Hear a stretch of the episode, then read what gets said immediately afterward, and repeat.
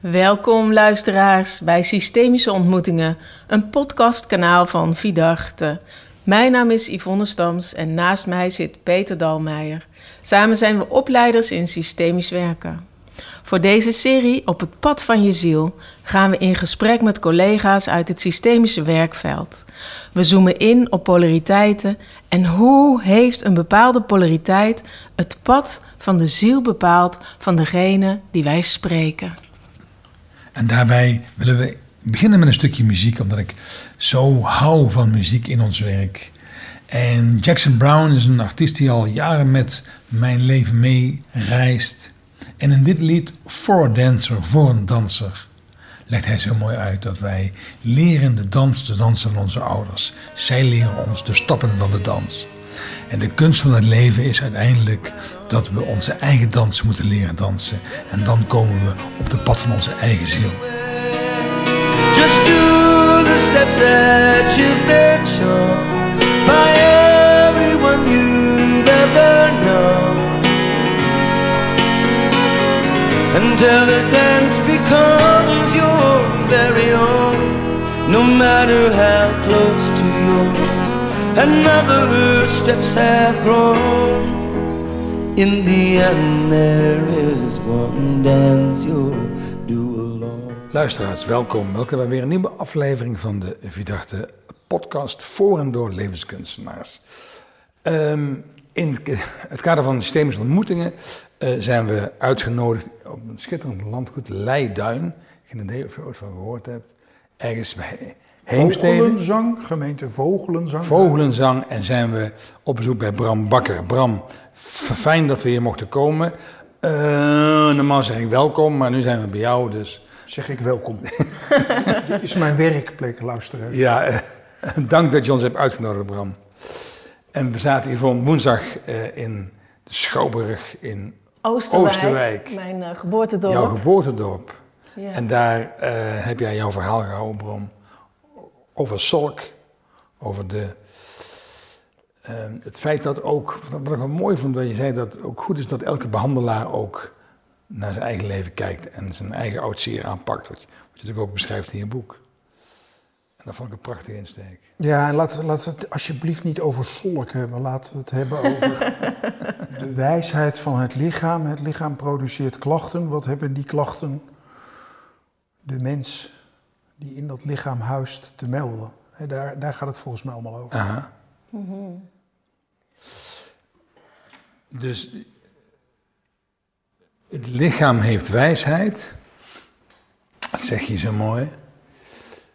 Ja, dat, dat, dat, dat, is- dat, dat, dat is ook waar, waar, waar wij in ons werk van uitgaan. En hoezo raakt dat dan onvoldoende de gezondheidszorg? In de gezondheidszorg heeft men de opvatting dat een klacht iets is wat verholpen moet worden. En soms is dat zo. Als je been gebroken is en je kan er niet meer op staan, dan is Ja. het heel fijn als iemand dat been kan repareren. Ja. Maar soms is die klacht een signaal dat er iets moet gebeuren anders dan de klacht verdoven. Makkelijkste voorbeeld. Heb je hoofdpijn, neem je paracetamol. Misschien doet de paracetamol zijn werk heel goed, maar denk niet dat daarmee de oorzaak van de hoofdpijn is verdwenen. Of, of, of dat paracetamol je iets vertelt over de oorzaak van die hoofdpijn. Dus ehm, wat in de gezondheidszorg gebeurt, is heel veel symptoombestrijding. Is heel veel het wegmaken van signalen. En als je het signaal wegmaakt, riskeer je ook dat de positieve boodschap, dat wat je eraan zou kunnen ontlenen, dat je die ook wegmaakt. Dus, dus de kans om te groeien door iets, die wordt in de gezondheidszorg heel vaak vrij achterloos overboord gegooid. Tja, onwetend. Het doet me denken aan dat eh, filmpje van die, eh, wat, wat, wat je op YouTube kan vinden van die rabbijn die vertelt over het ongemak van een, volgens mij, kreeft en zijn schild. Ken je dat, Ja. dat verhaal? Nee. Dat een, dat een kreeft, die, die, wordt, eh, die heeft dan een, een, een krappe schil, of is het een ander, ander scha- sch- schaaldier? En die eh, gaat ongemak voelen in die krapte van die schil. En dan gaat hij onder een steen leven, een poosje. Dan gooit hij zijn schil af, leeft hij met zijn zachte lichaam onder een steen. En dan op een gegeven moment groeit er een nieuwe schil. En dan kan hij weer een iets grotere schil. En dan kan hij weer een poosje mee vooruit. Dus dan geeft het ongemak, precies wat Bram ook aangeeft, eh, reden tot, tot groei. Misschien even terugtrekken, eh, bezinning. En, eh, en dan weer tevoorschijn komen met je, met je nieuwe verworvenheden. Nou ja, kijk, ik, ehm, ik moet niet een te grote broek aantrekken. Ik ben opgeleid tot dokter, maar ik ben- vroeger rechtsaf geslagen richting eh, psychiatrie en psychologie. Maar daar, daar is de schade natuurlijk veel groter eh, als, als je emoties wegwerkt als ongewenst. Terwijl een emotie, ja, daar zou je eigenlijk zo oordeelloos mogelijk naar moeten kijken. Je bent blij, ben je blij, je huilt, dan huil je. En ja, je kan daar van alles op loslaten, maar om dan te zeggen, eh, ongemakkelijke emoties moeten weg, neem Prozac, dat is nogal kort door de bocht.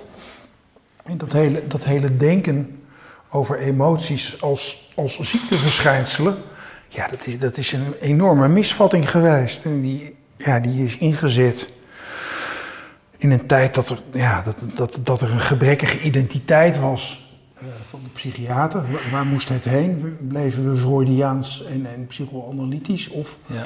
gingen we de hersenziektebenadering volgen, die, die onder invloed van de farmaceutische industrie sterk werd gepromoot? Nou, die, Ja. die, die stroming heeft gewonnen. Dus vanaf 1980 zie je dat we alles als, wat, wat over emoties gaat duiden als stoornis. Maar dat is, dat, dat is niet waardevrij, die opvatting. Zelfs als je wat oplevert, Ja. moet je je realiseren dat, dat, dat daar een keus aan vooraf ging.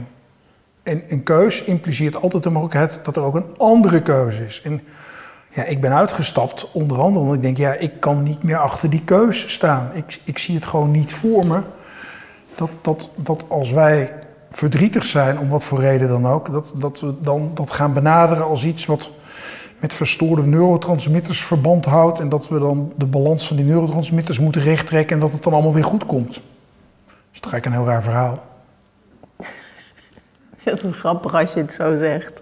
Ja, maar Want er zijn zoveel mensen die eh, wel die weg eh, bewandelen. En ik merk het ook wel eh, heel soms in mijn, in mijn praktijk. Dat er dan iemand komt en die zegt... Ja, ik heb last van eh, depressieve gevoelens. En dan stil is. Alsof eh, dan... Als, alsof als ik er dan coaching tegenaan gooi, dat het dan overgaat. Alsof coaching dan de aspirine is. Ja. En juist eh, eh, coaching uitnodigt, of een opstelling uitnodigt tot een innerlijk proces aangaan. Dus Ja, kijk, waar, waar we beland zijn, helaas, met de GGZ, is de wc-eendformule. Dus wij van de GGZ adviseren GGZ. Daarmee is dan niet gezegd of de wc-eend of de GGZ goed of slecht is van kwaliteit. Maar in ieder geval verwijzen ze de hele tijd naar zichzelf. Dus ga jij met je, met je, met je eh, kind wat slecht in zijn vel zit naar de ADHD-poli, wat krijg je dan? Dan krijg je de diagnose ADHD en het bijbehorende behandelpakket. medicijnen. De wc-eendformule.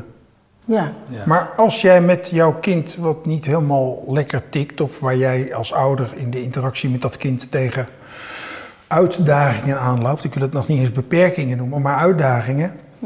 En, en, en, en, en je besluit om drie maanden door de bergen te gaan lopen, ik noem maar wat, ja veel dan, beweging. dan, dan, dan gebeurt er ook iets. En, en wie weet nu, ik denk dat niemand dat weet, wat het meest verstandige is. Ja, maar wij- we zijn met ook z'n allen gaan geloven dat als Ja. je als je een rijtje met verschijnselen aan iemand voorlegt en hij zet voldoende kruisjes, dat hij dan een hersenziekte heeft. Ja, van mij mag het. Ja, als je ermee geholpen bent, doe het vooral. Maar bedenk ook nog even dat, dat je er ook nog op een andere manier naar zou kunnen kijken. Ja, is een optie. Het als open houden, zo zeg jij het. Volg niet per se die ene formule. Ik denk dat wij er meer dan ooit goed aan doen om ons oordeel een beetje op te stellen. En ik denk dat, dat we in een tijd leven waarin de verleiding heel groot is om gelijk van alles te vinden. Ja, Want alles gaat snel.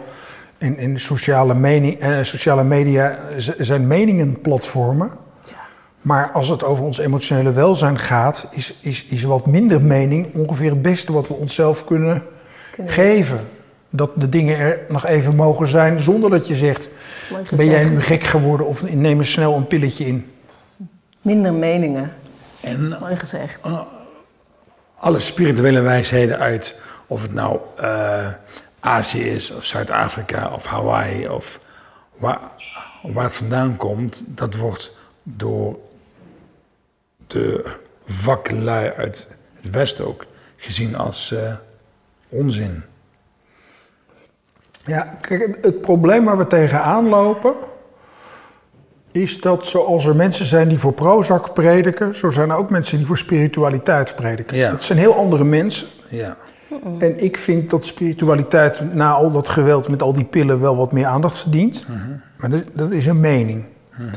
Er is wel een valkuil en dat is dat wij spiritualiteit gaan verkopen als het tegengif. Als de oplossing voor de uitdagingen waar we voor staan. En dat is ook weer niet voor iedereen waar. Hè, dus, dus wij zitten hier waarschijnlijk met z'n drieën als, als, als, mensen die daar veel in zien en, en, en die zich daarin willen verdiepen en die daarmee bezig zijn. Maar we moeten nooit in de valkuil trappen dat we zeggen dat werkt voor iedereen. Want dat, dat is wat de firma Prozac ook verkeerd heeft gedaan. Iedereen die voldeed aan de criteria van een depressieve stoornis moest aan de pillen. Ja. En, en kijk wat er gebeurd is. Er zitten 1,2 miljoen mensen die pillen te slikken, waarvan de helft zegt: mag ik er alsjeblieft weer vanaf? En dat lukt niet. Ja. Dus dat, Ja, dus als, als, als je de ene kant predikt, dan sluit je zo de andere kant uit. Dan kom je terecht in de polarisering. Nou ja, en ik zie ook helaas wel veel mensen die, die, die het contact met de grond een beetje kwijt zijn. Dus die, die zweven aan alles voorbij. en, en dat werkt ook niet. Kijk, het kan ook geen kwaad om af en toe een keer met de vuist op tafel te slaan en te zeggen: nu moet er even wat gebeuren. Ja, en, en eh, als je al te spiritueel wordt, dan gebeurt er nog maar heel weinig. Dan kan het ook een vlucht zijn, hè? Ja, precies. Ook een overlevings... Spiritual bypass heet dat. Ja, precies. Ja, daar heb ik, heb ik een enorme allergie op zitten. Ja. Maar je hebt jou, jouw boek ook genoemd Oud Zeer, wat natuurlijk, natuurlijk heel spot on is. Nou ja, Prachtige dat, dat, zeggen de lezers, maar dat, dat zijn er maar 22.000. Ik ben heel dankbaar hè, voor die lezers. Ik Maar- ook, maar ik zeg dat ook. Ja, maar er wonen, er wonen 17 miljoen mensen in dit land. dus laten we niet denken dat we er al zijn. Dat is, de, Nee, het is een ja. druppel op een gloeiende plaat. En ik ben blij dat ik die druppel heb mogen laten vallen. Ja. Nou, ik, ik, zal, ik ben in april vorig jaar omgevallen met een burn-out. Ik had eh, eh, eh, evenwichtklachten, rechts enorm oorsuizen, mijn oog ging minder goed zien, was van alles aan de hand. Ik ben geweest bij een kano-arts, neurologie, eh, psycholoog, psychiater. En ze konden allemaal niets vinden. Ja, ja, dat is natuurlijk wat mij ook is overkomen. En de grootste wijsheid is Yvonne geweest, die naast me zit. Die zegt maar, jouw moeder heeft jou als kind altijd al aangezet dat jij moest oplossen, dat jij moet doen. Jij hebt geleerd om alles zelf vast te houden, alles zelf te doen. Door, door, door, door, door, door, door. En denk, ja, daar ligt de oorsprong van mijn, van mijn overbelasting. Nou, dat, dat kan en ik, ik kan daar zo in mee, om- omdat ik ook die overtuiging ben eh, toegedaan. Maar realiseer is hoe, hoe slecht het eigenlijk is om dan al die zorgloketten langs te gaan, waar toch heel veel tijd, energie en geld wordt besteed aan op een niet productieve manier kijken naar de situatie waar jij in bent beland. Want ook hier geldt, het was natuurlijk een uitnodiging van jouw systeem om eens na te gaan denken over waar, waar, waar, waar, waar je die eh, 50 of eh, weet ik hoeveel jaar dat je hier rondloopt overheen hebt geleefd. 60. Ja, nou ja, whatever. Ja. Kijk, ik, Ja. ik was ook de 50 voorbij toen, toen het proces begon. Ja, ja. Dan denk je, ja, had het niet een beetje eerder gekund? Nou nee, Ja. nou, blijkelijk niet. Heeft ook helemaal geen zin om gefrustreerd te gaan doen. Nee, nee. Eh, als, als ik 20 jaar geleden had geweten wat ik nu weet, ja, dan had mijn leven er anders uitgezien. Dat is zo. Ja, het geldt voor iedereen. Maar als ik over 20 jaar moest beginnen, dan eh, waren de komende 20 jaar ook anders. Ja. Ja, maar, maar ik, ik, ik, ik heb me wel verbaasd over het feit dat eenmaal ingecheckt in het ziekenhuis, ik heel gemakkelijk langs alle afdelingen kon, kon gaan. Iedereen declareert aan mijn eh, verzekering en alles wordt betaald. En als ik één stap naar buiten doe, wa- wat niet valt in het hokje, wat mij veel meer op heeft geleverd, wat mij veel meer echt eh, zuurstof heeft gegeven, lucht heeft gegeven, ja, dat, dat betaal ik dan zelf. En dat doe ik met liefde. Maar mij valt wel op, het is een verdienmodel wat ook zichzelf in stand houdt natuurlijk. Nou, ja, dat, dat is zeker zo. Maar wat ik eigenlijk zo treurig vind, is dat zoveel van die welwillende zorgprofessionals zo eigenlijk blind zijn voor het feit dat ze dienen in een verdienmodel. Dus ik, ik ben negen maanden bij alle neurologen geweest, ook, ook met zo'n klacht. Ja. En de enige vraag die mij heeft geholpen, die hebben zij mij nooit gesteld. Die kwam uiteindelijk op een gegeven moment bij mijzelf binnen. Wat wil mijn klacht mij duidelijk maken? En zij waren alleen maar op zoek naar de verklaring van mijn klacht, zodat ze die zouden kunnen verhelpen. Ja. Nou, die verklaring is nooit gevonden, ondanks al hun goede bedoelingen. Ja. Maar hoeveel had het mij gescheeld als, als op dag één of na een week of desnoods na een maand een van die neurologen had gezegd: Hé hey Bram, wat denk je dat je cerebellum jou probeert duidelijk te maken? Dat had, dat had mijn proces op gang gezet. En nu- zitten tegen een boom, je ogen dicht en stel jezelf deze vraag. Ja. Hè, want er kwam, uiteindelijk kwam er dan een soort theorie achteraf. Toen, toen het al beter ging, kwam er een theorie. Ja, waarschijnlijk is er een griepvirus door de bloed-hersenbarrière gegaan. En normaal komt het griepvirus niet in het brein, maar in jouw geval heeft dan het griepvirus het cerebellum geïnfecteerd. Nou, dat kun je alleen maar bewijzen door een stukje uit het cerebellum te snijden. Dat ging een beetje ver. Bovendien, de klachten waren voorbij.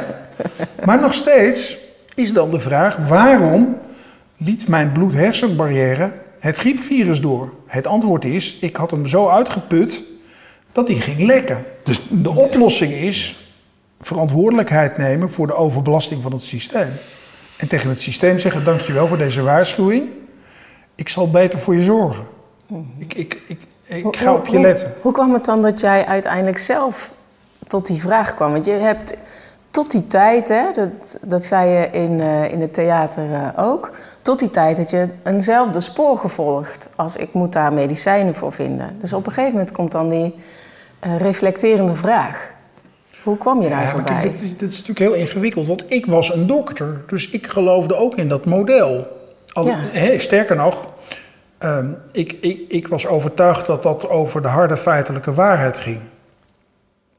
En nu kan ik zeggen dat het een geloof was. Maar om, om in te gaan zien dat het een geloof is, en, en dat zie je ook bij gelovigen, heel veel mensen die zwaar gelovig zijn, zijn eigenlijk niet in staat om te relativeren. Dus, dus moslim is het, of, of, of Boeddha is het, of, of, of de katholieke kerk.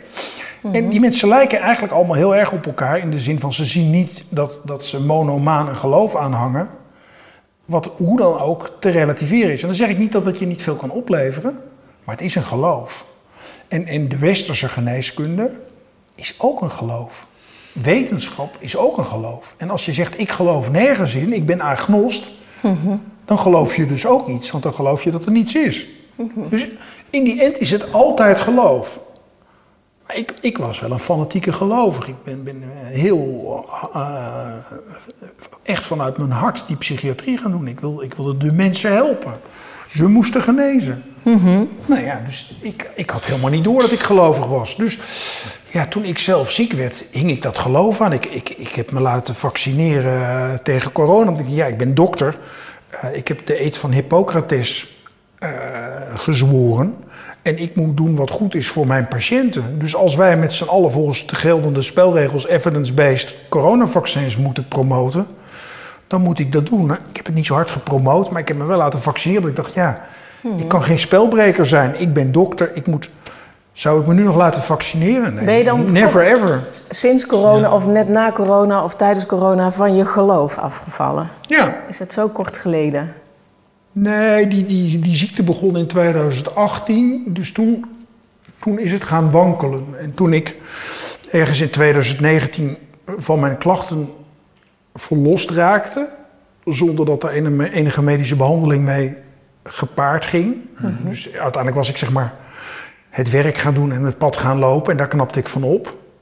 Ja, toen kwam corona en toen heb ik wel, toen zag ik ineens, ja, we zitten met oogkleppen op iedereen te behandelen alsof hij of zij gemiddeld is, terwijl geen mens is gemiddeld en, en welk mens heeft het verlangen om gemiddeld te zijn. Dus nu gaan we iedereen vaccineren en laten mensen eigenlijk niet de ruimte om daar hun eigen keuzes in te maken. Ja. Kwam het dan door, doordat je je werk niet meer kon doen, dat je in die reflecterende modus terecht kwam? Of kon je nog steeds werken met die cere- cerebrale klachten?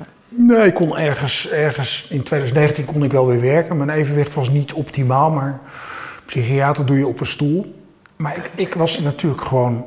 Ik, ik, ja, ik, ik, ik, ik, was, ik was een dienstklopper, dus ik stempelde de DSM-diagnose af. Ik schreef een recept voor. Ja. Daar kreeg ik salaris voor, prima salaris. Ja. En dat was wat ik verondersteld werd te doen. En ik wilde verkennen, niet alleen bij mezelf, maar ook met de mensen in mijn werk, wat, wat er in hun leven gaande was, wat deze verschijnselen produceerden.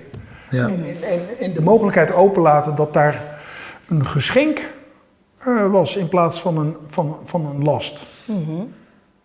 En hoe was je dan ehm, terechtgekomen in het vak psychiatrie? Dus als je kijkt naar, teruggaande naar jouw beginsel en jouw jeugd. En, Oh, dat is heel simpel. Ik, las in de jaren 70 las ik Jan Voudrenne, Wietjes van Hout. En Voudrenne zei toen al, niet de wereld is gek. Of eh, niet de mensen zijn gek, maar de wereld waarin ze zijn grootgegroeid. Dus eh, eh, hij werkte met psychotische mensen, die gaf hij therapie. En hij zei, uiteindelijk is alle gekte te begrijpen vanuit de geschiedenis die iemand heeft. Nou, dat is natuurlijk een prachtige romantische gedachte. Dus ik denk, dat wil ik ook. Ik, ik wil dat begrijpen. Daarachter zat natuurlijk verstopt dat ik mezelf wilde begrijpen, maar zover was ik niet. Dus ik, ging, ik ging psychiater worden omdat ik mensen wilde begrijpen. En, en ik had ook de fantasie dat psychiaters door mensen heen konden kijken. Nou, die truc wilde ik ook graag leren. Dus ik ging heel romantisch dat vak in. En, en, en toen ik uitstapte, dacht ik, ja, Voudrenne had gelijk. We kunnen de mensen niet meer helpen door, door in te zoomen op zijn of haar verhaal. En te kijken hoe, hoe we dat verhaal kloppend kunnen krijgen. En dat moet iemand zelf doen, maar je kan, je kan daarin terzijde staan. Nou, dan ben je volgens mij bij wat hulpverlenerschap is. Dat je zegt, ik, ik loop een stukje met je mee. Je bent de kapitein op jouw boot en we gaan kijken hoe die boot hier, eh, hoe die op die zandbank is geland en hoe, hoe we hem eraf trekken zodat je verder kan varen. Ja. Dat, dat, dat is wat het, wat het zou moeten zijn. Ja. Is dat romantisch? Nee, ik denk dat is eigenlijk gewoon het meest kansrijke. Ja. en je bent dus begonnen vanuit het principe niet de mens is gek, maar de wereld is gek. En Ja, en en Dirk de Wachter, die is, die, is, die is mijn leeftijd, Ja. die ging met hetzelfde idee ook de psychiatrie in. En die schreef in 2013 geloof ik Borderline Times, wat eigenlijk hetzelfde is. Niet de mensen zijn borderline, maar de tijd waarin we leven. Dus Dirk en ik zijn in die zin geestverwanten. Dat, dat, Ja. dat wij geloven dat de mens te begrijpen is vanuit zijn of haar geschiedenis. Ja. En, en niet vanuit een dopamine-disbalans. Dan kon je dat niet meenemen in je vak als psychiater. Nee. Dat wordt niet van je verwacht. Maar ja, kijk, we, we zi- we zitten in het volgende probleem. We zitten natuurlijk in Nederland met een, met een zorgverzekeringsstelsel wat Ja. nogal dwingend is. Mensen met psychische klachten zijn vaak mensen met beperkte financiële middelen. Dus al, als er dan een model wordt geadopteerd door de zorgverzekeraar Ja. waarbinnen hulp vergoed kan worden en je hebt anders geen geld, nou dan ga je voor, Ga je wat, voor wat er geboden wordt. Ja. Ja. En, Het en systeem je, weet dan de zorgverzekeraar hanteert, dat, dat, dat deugt van geen kant. Ja, Ja. Ja. tragisch als ik er nu zo naar luister. Ik heb me dat nooit eerder zo, zo direct gerealiseerd. Wel zo vanuit mijn individuele beleving, maar nooit zo algemeen. Zo van, ik, ik, ja, hoe, zeg, hoe zeg ik dat? Dat het, het stelsel zichzelf mede in stand houdt. Tuurlijk. En zo in zichzelf gelooft. De reeks die we nu opnemen, Bram, die gaat over de ziel. Hoe landt dat woord in jou? Als psychiater. Nou, ik, ik weet niet wanneer dit gesprek online staat, maar ik, ik leg op dit moment de laatste hand aan een boek wat als titel heeft Gevoelige Zielen. Kijk. eh, en als ondertitel over de mens achter de hulpverlener. Omdat eh, Gaaf. je kan. En, en, dat, dat, eh, dat, dat is kritisch, maar dat moet dan maar. Je kan zeggen dat de zorg, zo, zo, hè, de conventionele, traditionele zorg, zoals de zorgverzekeraars die vergoeden, daarvan kan je wel echt zeggen dat die vrij zieloos is geworden. Ja. Maar de mensen die die zorg leveren, die zijn alles behalve Ja. zieloos. En het ingewikkelde is dus dat ze hun ziel in, in steeds mindere mate kwijt kunnen in hun werk. Dus ik denk dat de ziel een heel groot goed is. De geest, hè, eh, het zit een beetje in dezelfde hoek. Maar dat de bezieling en de begeisterung, zeggen de Duitsers, dat die terug moet. Omdat uiteindelijk, kijk, wie krijgen de meeste burn-outs? Dat zijn hulpverleners. Het, het, het is een beroepsziekte. Bij de loodgieter thuis lekt de kraan. En ja, de hulpverleners lopen vast op, opdat ze hun ziel Ja. in hun werk niet meer kwijt kunnen. Want Ja. ja, ze, moeten, ze moeten de regels volgen. Maar de regels zijn zieloos. Ja. Het is, als je, nu wordt het bijna politiek, maar het is een beetje beveel is beveel. Hoe Ja. de GGZ-manager de werknemers aanstuurt. Ja. Declarabiliteit, uren schrijven, registreren. Ja, je, je vraagt naar de ziel. Nou, die, die, die is daar totaal in afwezig. ja. Maar niet in de mensen die dat doen. Hopelijk niet. Ik, ik moet dan terugdenken. mens heeft toch een ziel? Ja, natuurlijk. Ja. Maar, maar als je de optie hebt om voor te schrijven en te voldoen aan het systeem. en je voelt dat dat wellicht niet helend zal zijn. dan ga je wel in een tweestrijd komen, toch? Ja, je moet dus jezelf geweld aandoen door Precies. een heel fundamenteel deel van jouw zijn Ja. achter te laten. Ja. Ja. Dus, dus bevlogen, geïnspireerd, geraakt, gepassioneerd. Ja. Allemaal, denk ik, kernkwaliteiten voor goed hulpverlenerschap. Ja. Die zijn allemaal taboe, want we hebben een diagnose en een protocol. En iedereen die die diagnose krijgt, krijgt dat protocol. En of je het een hele lieve, fijne, leuke man vindt of, of een takkenwijf, Dat is een dat mag er niet zijn.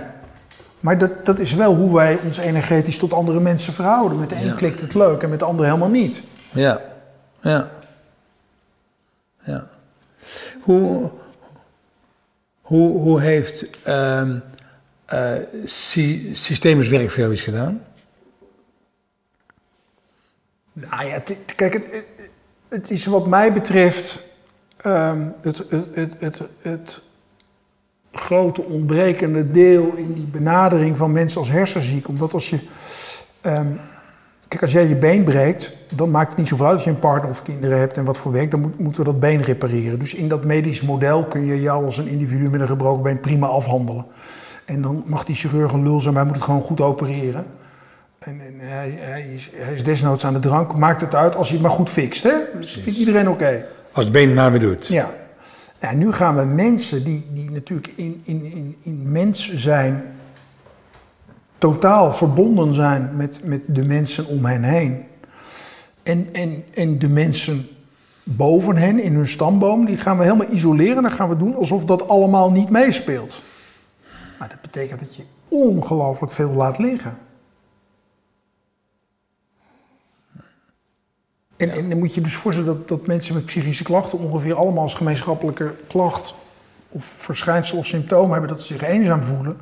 Maar hoe kan je eenzaamheid, hoe kan je dat behandelen tussen aanhalingstekens door niet te kijken naar de context waarin iemand existeert en, en, en, en Ja, de stamboom waar die uit afkomstig is. ja, ja. Dus dat is, het is eigenlijk, ja, ik ga dat steeds gekker vinden. Naarmate mijn afstand tot de ex-collega's toeneemt, denk ik, maar jullie, jullie, zijn echt niet, jullie zijn echt blind. Jullie zijn echt blind. Ik vind het sneu voor ze en ik, ik doe op mijn stinkende best om er geen oordeel over te hebben. Hoe kan je nou toch je ogen sluiten voor dat oud zeer, voor die, voor, die, voor die aanloop die iedereen heeft gehad en waarbij er bij iedereen dingen zijn gebeurd die in het hier en nu een rol spelen. Het kan ook een gunstige rol zijn, maar doe niet alsof het er niet is. En als je zegt, hoe kan het? Geef, geef ook eens antwoord op die vraag. Heeft dat te maken met dat geloof in, in de weg? Zoals je zojuist hè, hiervoor Nou ja, ook de, al beschreef. de, de, de diagnose, eh, eh, hoe je bij een diagnose komt, doet er niet toe. Hè? Dus ik ging oud want ik zeg, ja, we kunnen wel mensen allemaal etiketten opplakken. eh, niet alleen depressie of psychose of trauma, maar ook overgewicht, hoge bloeddruk, hart- en vaatziekten. En de grootste gemene deler onder, onder heel veel van die gezondheidsproblemen is ellende op jonge leeftijd. En in de zin van eh, gebeurtenissen die er niet hadden moeten zijn. Trauma. Of dingen die er niet waren. Veiligheid, warmte, aandacht, liefde, knuffelen. De, de, hele, de hele zachte sector. En ja, die DSM-jongens die zeiden, daar gaan we niet over. Nee. Eh, u voldoet aan de criteria van een depressieve stoornis, hier is het recept. Ja. Dus die hebben dat laten liggen. Dus ik ging dat boek schrijven. Ik dacht, ja, dit is gewoon wetenschappelijk onderzoek. Hè? Dus gewoon een groot, grote studie uit 1998, 25 jaar geleden in Amerika. Dat, ja, een, een rommelige jeugd, zoals, zoals dat eufemistisch wel eens wordt genoemd. Dat een rommelige jeugd, ja, heel veel gezondheidsproblemen op latere leeftijd enorm betrouwbaar voorspelt. Ik moet denken aan de uitspraak van Lucas Derks. Die hebben we ook geïnterviewd in deze serie. Die zegt, en dat, vind ik zo'n heerlijke uitspraak. De psychologie staat nog in de kinderschoenen. En doet er alles aan om daar te blijven. Nou ja, ik, ik, ik, ik denk dat de psychologie probeert zich een paar schoenen, eh, probeert een paar schoenen aan te trekken die sowieso niet passen, maar ook de vraag overslaat of het eigenlijk handig is om schoenen aan te trekken. Misschien heb je meer aan teenslippers of klompen of blijf je gewoon op blote voeten. Ja, lekker. Dus ik denk eigenlijk dat je dan dus nog verder uit moet zoomen. Ja. En, en dat is natuurlijk ook iets wat je waarneemt. We hebben ongelooflijk de neiging om in te zoomen. Dus we gaan steeds meer in detail. Ja. Maar hoe meer je in detail treedt, hoe meer je het overzicht verliest. Ja. Dat klopt. Ja. A- Als je kan kiezen uit 30 of 50 of 100 diagnoses, dan is de kans dat iemand niet specifiek in het vakje van die diagnose past, die wordt alleen maar groter. Ja. Hoe meer hokjes, hoe minder mensen erin passen. Ja. Het aantal mensen wat niet in een hokje past, neemt gestaag toe. Ja. En de wijsheid van volgens mij ook mensen die patiënt zijn, om ze zo even te noemen, eh, neemt ook toe. Dus mensen willen ook niet meer zo graag in een hokje. Nou, de, de, me- de mensen voelen steeds beter dat wat hen geboden wordt in het systeem, dat dat tekortschiet. Ja. Er zijn steeds meer mensen die in dat systeem niet te helpen zijn. En die mensen gaan op zoek naar alternatieven. En daar wordt het ingewikkeld, want er zijn hele goede alternatieven. Maar je moet een portemonnee hebben Ja. om het te betalen. En dan zijn er ook nog eens hele slechte alternatieven. En hoe het verschil te waar, waar mensen enorm veel geld aan uitgeven. En nou ja, Ja. Soms weet je niet wat Vogel het maar eens uit. Kijk, ondertussen weten heel veel mensen over het bestaan van familieopstellingen. Maar je hebt hele slechte opstellers en hele goede. Ja. En hoe weet je nu welke je moet hebben? Eh, ademwerk, hartstikke interessant. Ja. Maar bij wie moet ik zijn? Ja, oké. Ja. Ik, ik hoop altijd maar dat, dat, dat, het, dat het klopt waar je terecht komt. Je moet toch ergens een, een, een, een, weg inslaan. En elke weg die je inslaat, die geeft weer eh, informatie voor je volgende stap. Dus uiteindelijk kom je terecht bij iemand die eh, misschien een wat minder goede opstelling of zoiets, eh, ademwerk neerzet. Dan weet je, oké, nou, weg ingeslagen, volgende weg. Dat, dat- Ja, het, nee, het ik is wel in be- je bent wel in beweging, dat is wel goed aan. Ik denk dat dat de, kan, de enige benadering is. Dus ik, ik, eh, ik hou oud gesprekken met mensen. En dan zeg ik om te beginnen, ben jij de kapitein op jouw boot? En bij alles wat je doet, moet jij bedenken of het, of het jou iets brengt. En is- als het niet zo is, snel weer ophouden. Gaaf. Dus, dus doe je verkenning. Ja, En ik, ik denk een beetje met je mee. Maar als ik nu ga zeggen, jij moet naar die en die voor dat en dat. Geloof me niet. nee. Niet Nou, en- en dan- ergens in gaan geloven. Dus nee, jij houdt maar heel kijk, wat je, open. natuurlijk ook in, in, in hè, laten we maar even oneerbiedig de alternatieve wereld treft, is veel mensen die claimen van ik, ik heb 100% succes met mijn methode. Nou ja. Gelijk, gelijk doortrekken. Nee, maar de methode bestaat niet. Nee, ik ben het met je eens. Dat maakt het werk zo leuk. Je, je, Ja, je, je moet zoeken naar wat voor jou werkt. Ja. ja. Ik, ik heb een vriendin die heeft echt een gruwelijk traumatisch verleden. Mhm. En, en waar, waar ging ze het bochtje om? Bram die ging ergens in eh, februari eh, met haar over het strand wandelen. zei ik duik even de zee in, want zo gek doe ik soms. En toen dacht zij misschien moet ik dat ook eens doen. En toen ontdekte ze dat ze enorm kalmeert in het koude water. En sinds die tijd ligt ze om de havenklap in zee. Nou ja, Wat een geweldige ontdekking. toch grappig, ja. en nu heeft ze dus iets waar ze op Ja. kan terugvallen Ja. als ze zich heel ellendig voelt. Goeie Ja. bedding. Lost het niet op, maar Ja. Nou ja, dus zo kan je je Mooi. arsenaal vullen. Plus te gek dat iemand die zich eh, niet tof in zijn vel voelt, die vriendin van jou bijvoorbeeld, die vindt dan dat hij zelf kan invloed uitoefenen op die gevoelens. Ja, nee, ook dat. en, en dat eh, geeft natuurlijk ook enorme kracht. Maar en ik, ik geloof dus niet. ehm, nou ja, en, en dat is een beetje. Wim Hof is een schat van een man, die heeft belangrijk en goed werk gedaan. Maar we moeten nu niet gaan denken dat iedereen in een ijsbad gelukkig wordt. Dat moeten we gewoon niet doen. En, en, en dan, wordt het ook, dan wordt het ook een product. Ja. En dat zie je ook gebeuren. Dus, Ja, dus, ik ben Wim, Wim Hof, gecertificeerd ijsbadbegeleider, weet ik. Ja. Ja, uiteindelijk, uiteindelijk ben je dan niet wezenlijk anders dan een Prozac voorschrijvende psychiater. Ja. Want dat, is, dat is dan jouw school geworden. Ja. Ja, behalve dan natuurlijk dat als je in een ijsbad gaat zitten, dat er iets gebeurt met je immuunsysteem of zoiets, of met je adem. En dan is het altijd goed voor je lijf, zoiets toch? Ja, maar als, pro, als je Prozac slikt, gebeurt er ook iets met je systeem. Oh, Helaas weten we niet wat, maar er gebeurt wel iets. Ik heb in ieder geval voorgenomen dat Wi- Wim Hof methode, dat ga ik echt nooit doen. Ik vind het heerlijk. Super koud. vond die, die- dus wat jij zegt, dat, dat, ja, we zijn daar het voorbeeld van. Always do what you are afraid to do. Dan ga je me toch aanraden nu. Ja, ik, ja, ik, ik denk eh, waar de weerstand zit, is het werk te doen. En, en eh, de mensen die ik ken die heel veel aan die ijsbaden hebben, zijn mensen die eh, echt een pesthekel aan kou hebben. Dat is heel fascinerend. Daar ligt de parel. Nou, vanavond maar een koude douche nemen dan. Maar wat, wat, wat, wat, wat ik al wist, maar door dit gesprek nog meer nu bewust van word, eh, Bram, is dat jij zegt van ieder mens is verantwoordelijk voor zijn eigen leven.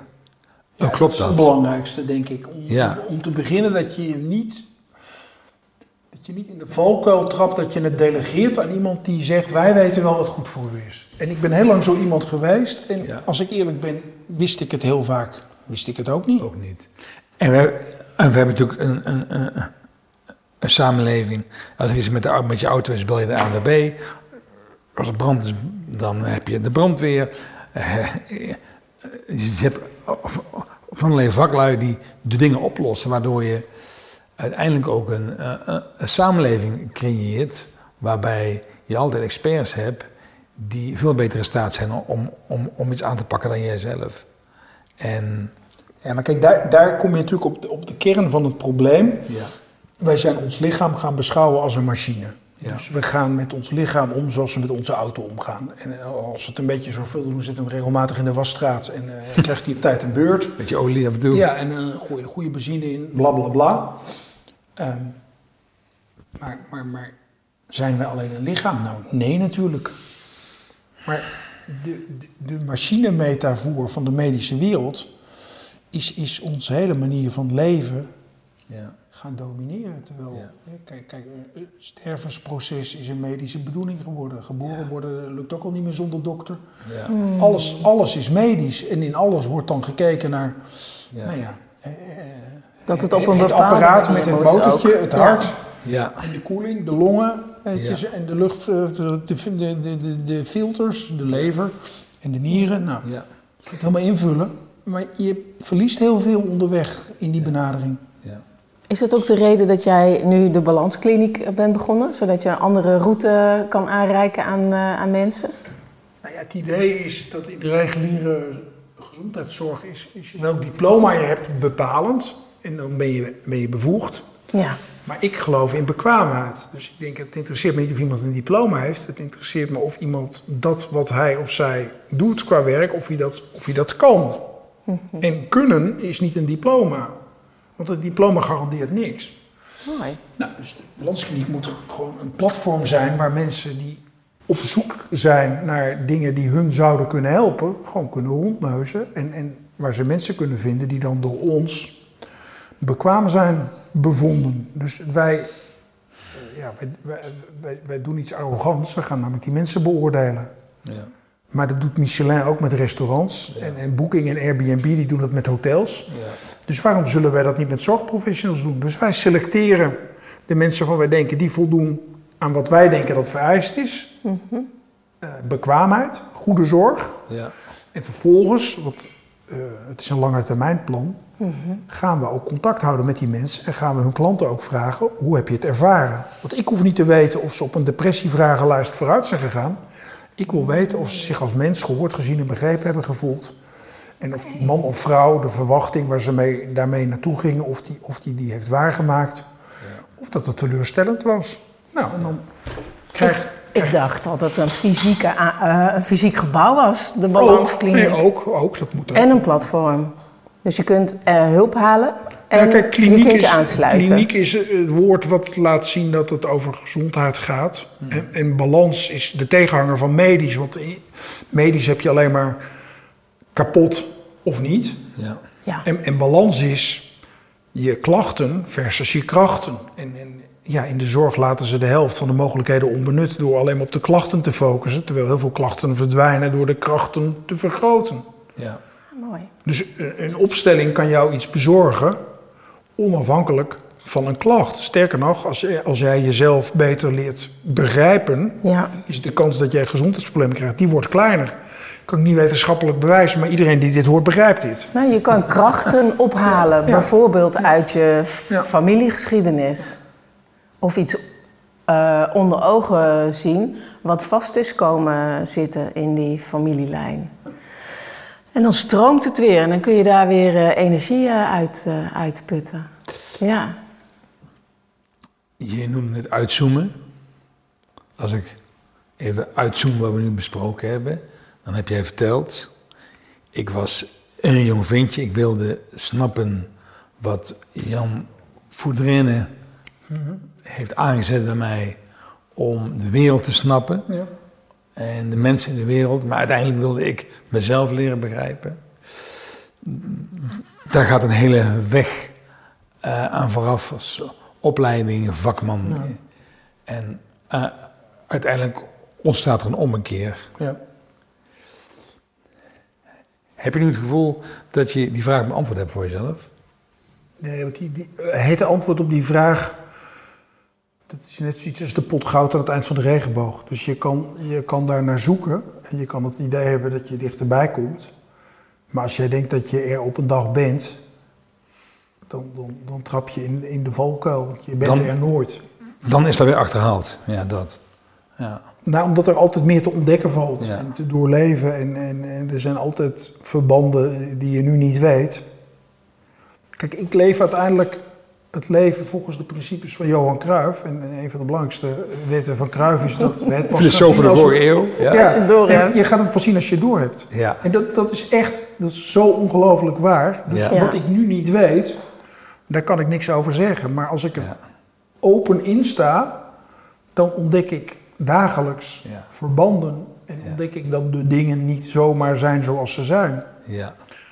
Dat betekent ook dat je een beetje gaat leven volgens het principe dat toeval niet bestaat. Nou, dat, dat is bij artsen heel erg tricky, want kanker is alleen maar pech, hè, volgens de meeste dokters. En als je de schuldvraag durft te stellen, dan, dan deug je niet. Maar ook kanker komt niet uit de lucht vallen. Wat iets anders is dan dat je schuldig bent. Ja. Maar het begrijpen waarom een ernstige ziekte op jouw pad komt, nou ja, dat is, is het werk van Gabor Maté. Dat zouden alle dokters verplicht moeten lezen. Ja. Ja. Ja. Ja. Of Steven Hausner in het eh, familieopstellingenwerk. Ja. Maar het mooie is wel dat, dat door ehm, uit te zoomen en inzicht op te halen in de wereld om je heen en in jezelf, geeft wellicht wel meer kans om erin te berusten. Nou ja, om, om te beginnen is denk ik het hoogste haalbare voor de meeste mensen dat ze hun lot omarmen. En dat is natuurlijk wat, wat, wat in opstellingen vaak voorbij komt. Dan staat daar jouw lot Ja. en dan heb je het er maar mee te doen. En dan moet je er niet van afwenden. Dan moet je er naartoe stappen en dan moet je zeggen, kom hier. Ja. Ik omarm je, mijn lot. Ja. Met alles erop en eraan. Ja. Ik, ik, ik weet nog dat mijn vader is door zijn grootvader verkocht. En ik, ik stond in een opstelling met de vijf generaties mannenlijn achter mij. En ik flikkerde zo vierkant om. En ik, ik had niet het idee, ik, ik had echt no clue dat dat ehm, eh, opkomen voor mijn vader. Ik, ik, ik, ik ben ooit een keer de a- a- atletiekbaan afgezet. Omdat ik iemand op zijn bek geslagen had die een nare opmerking over mijn vader maakte. Wat ik toen een heerlijk gevoel vond op dat moment. En achteraf snap ik dat heel veel van mijn spanning van toen te maken had daarmee. Dus het mooie is ook dat ehm, het lot, dat is ook een woord waar, waar, waar, waar, waar artsen natuurlijk niks mee, mee kunnen. En voor mij was dat wel heel erg een soort van e- emotionele ontluiking, alsof de eh, gordijnen opengaan en, en ik, ik, ik keer een wereld achter mij zie die ik wel snapte, maar nooit gevoeld heb dat ik deel uitmaak van die wereld.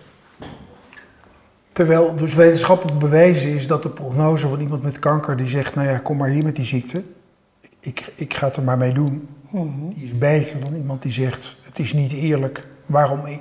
Ja. Nooit gerookt, toch longkanker. Psychologisch komen er dan processen die in het lichaam ook doorwerken. Denk, denk aan cortisol en stresshormonen. En moet je eens kijken hoeveel we kunnen verdienen door mensen In zich de te laten verzoenen ja, met hun lot. in die Omdat mindset. dat, ja, dat- Nou, jouw zoon kon dat, vond ik, ja. toen hij eh, kanker had. In Leiden ziekenhuis, ja. Die, dat vond ik heel knap. Niels was toen... 21 jaar. En die ging net studeren en die kreeg een vorm van kanker wat past bij eh, jonge jongens.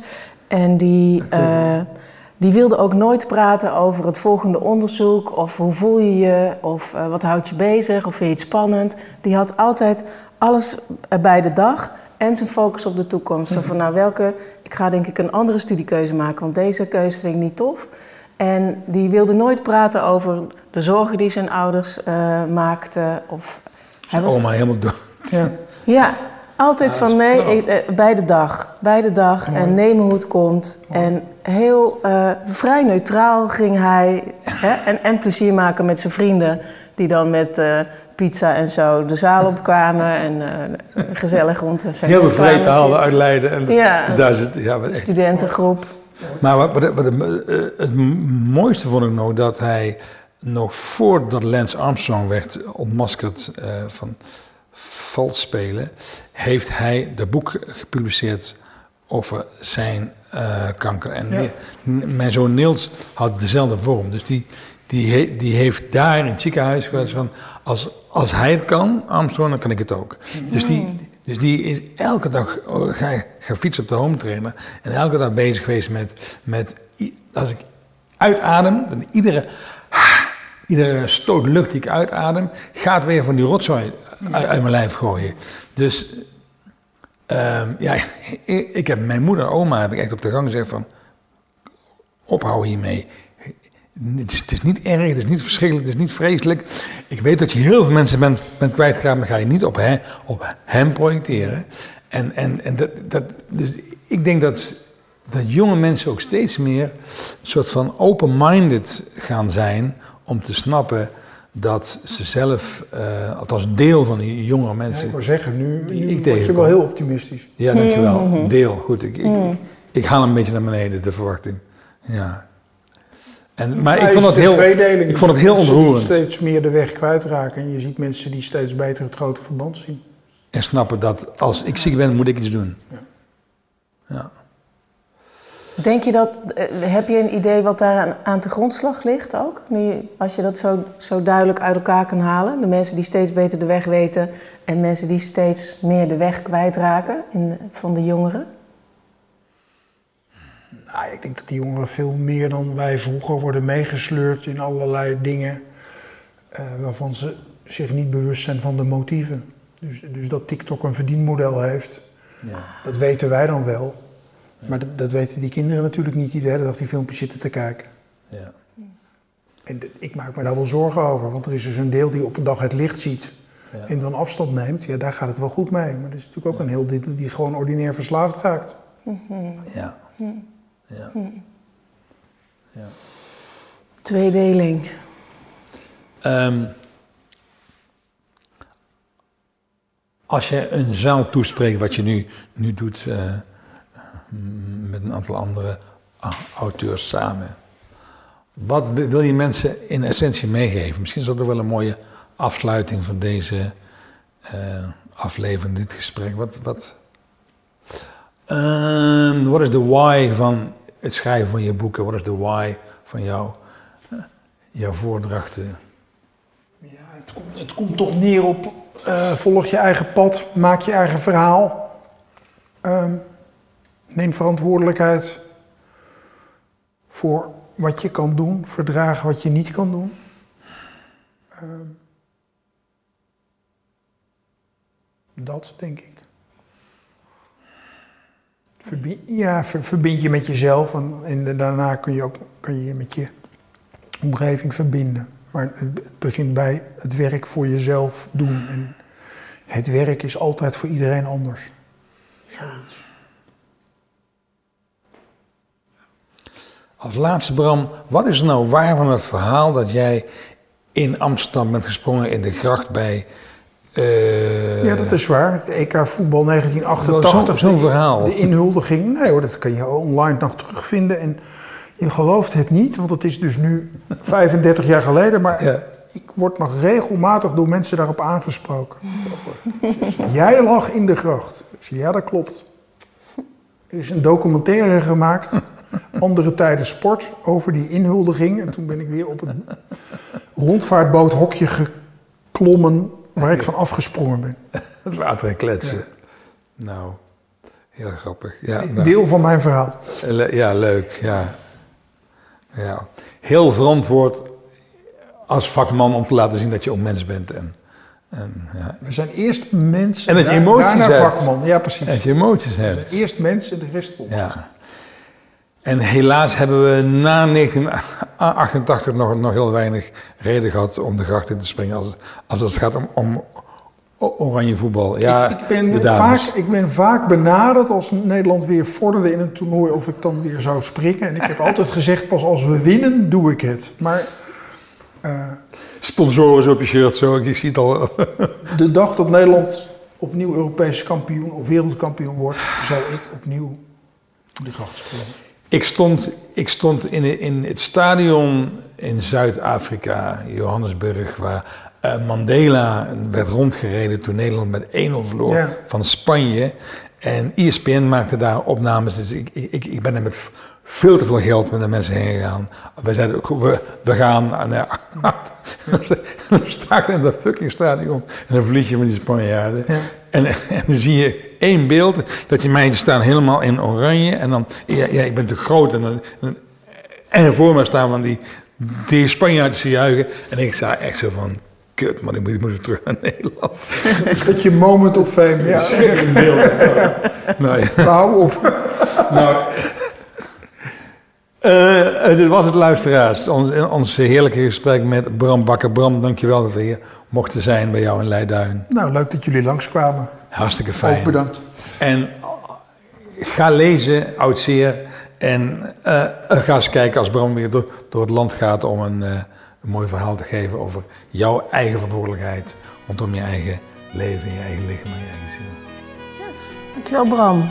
Tot de volgende aflevering bij Systemische Ontmoetingen.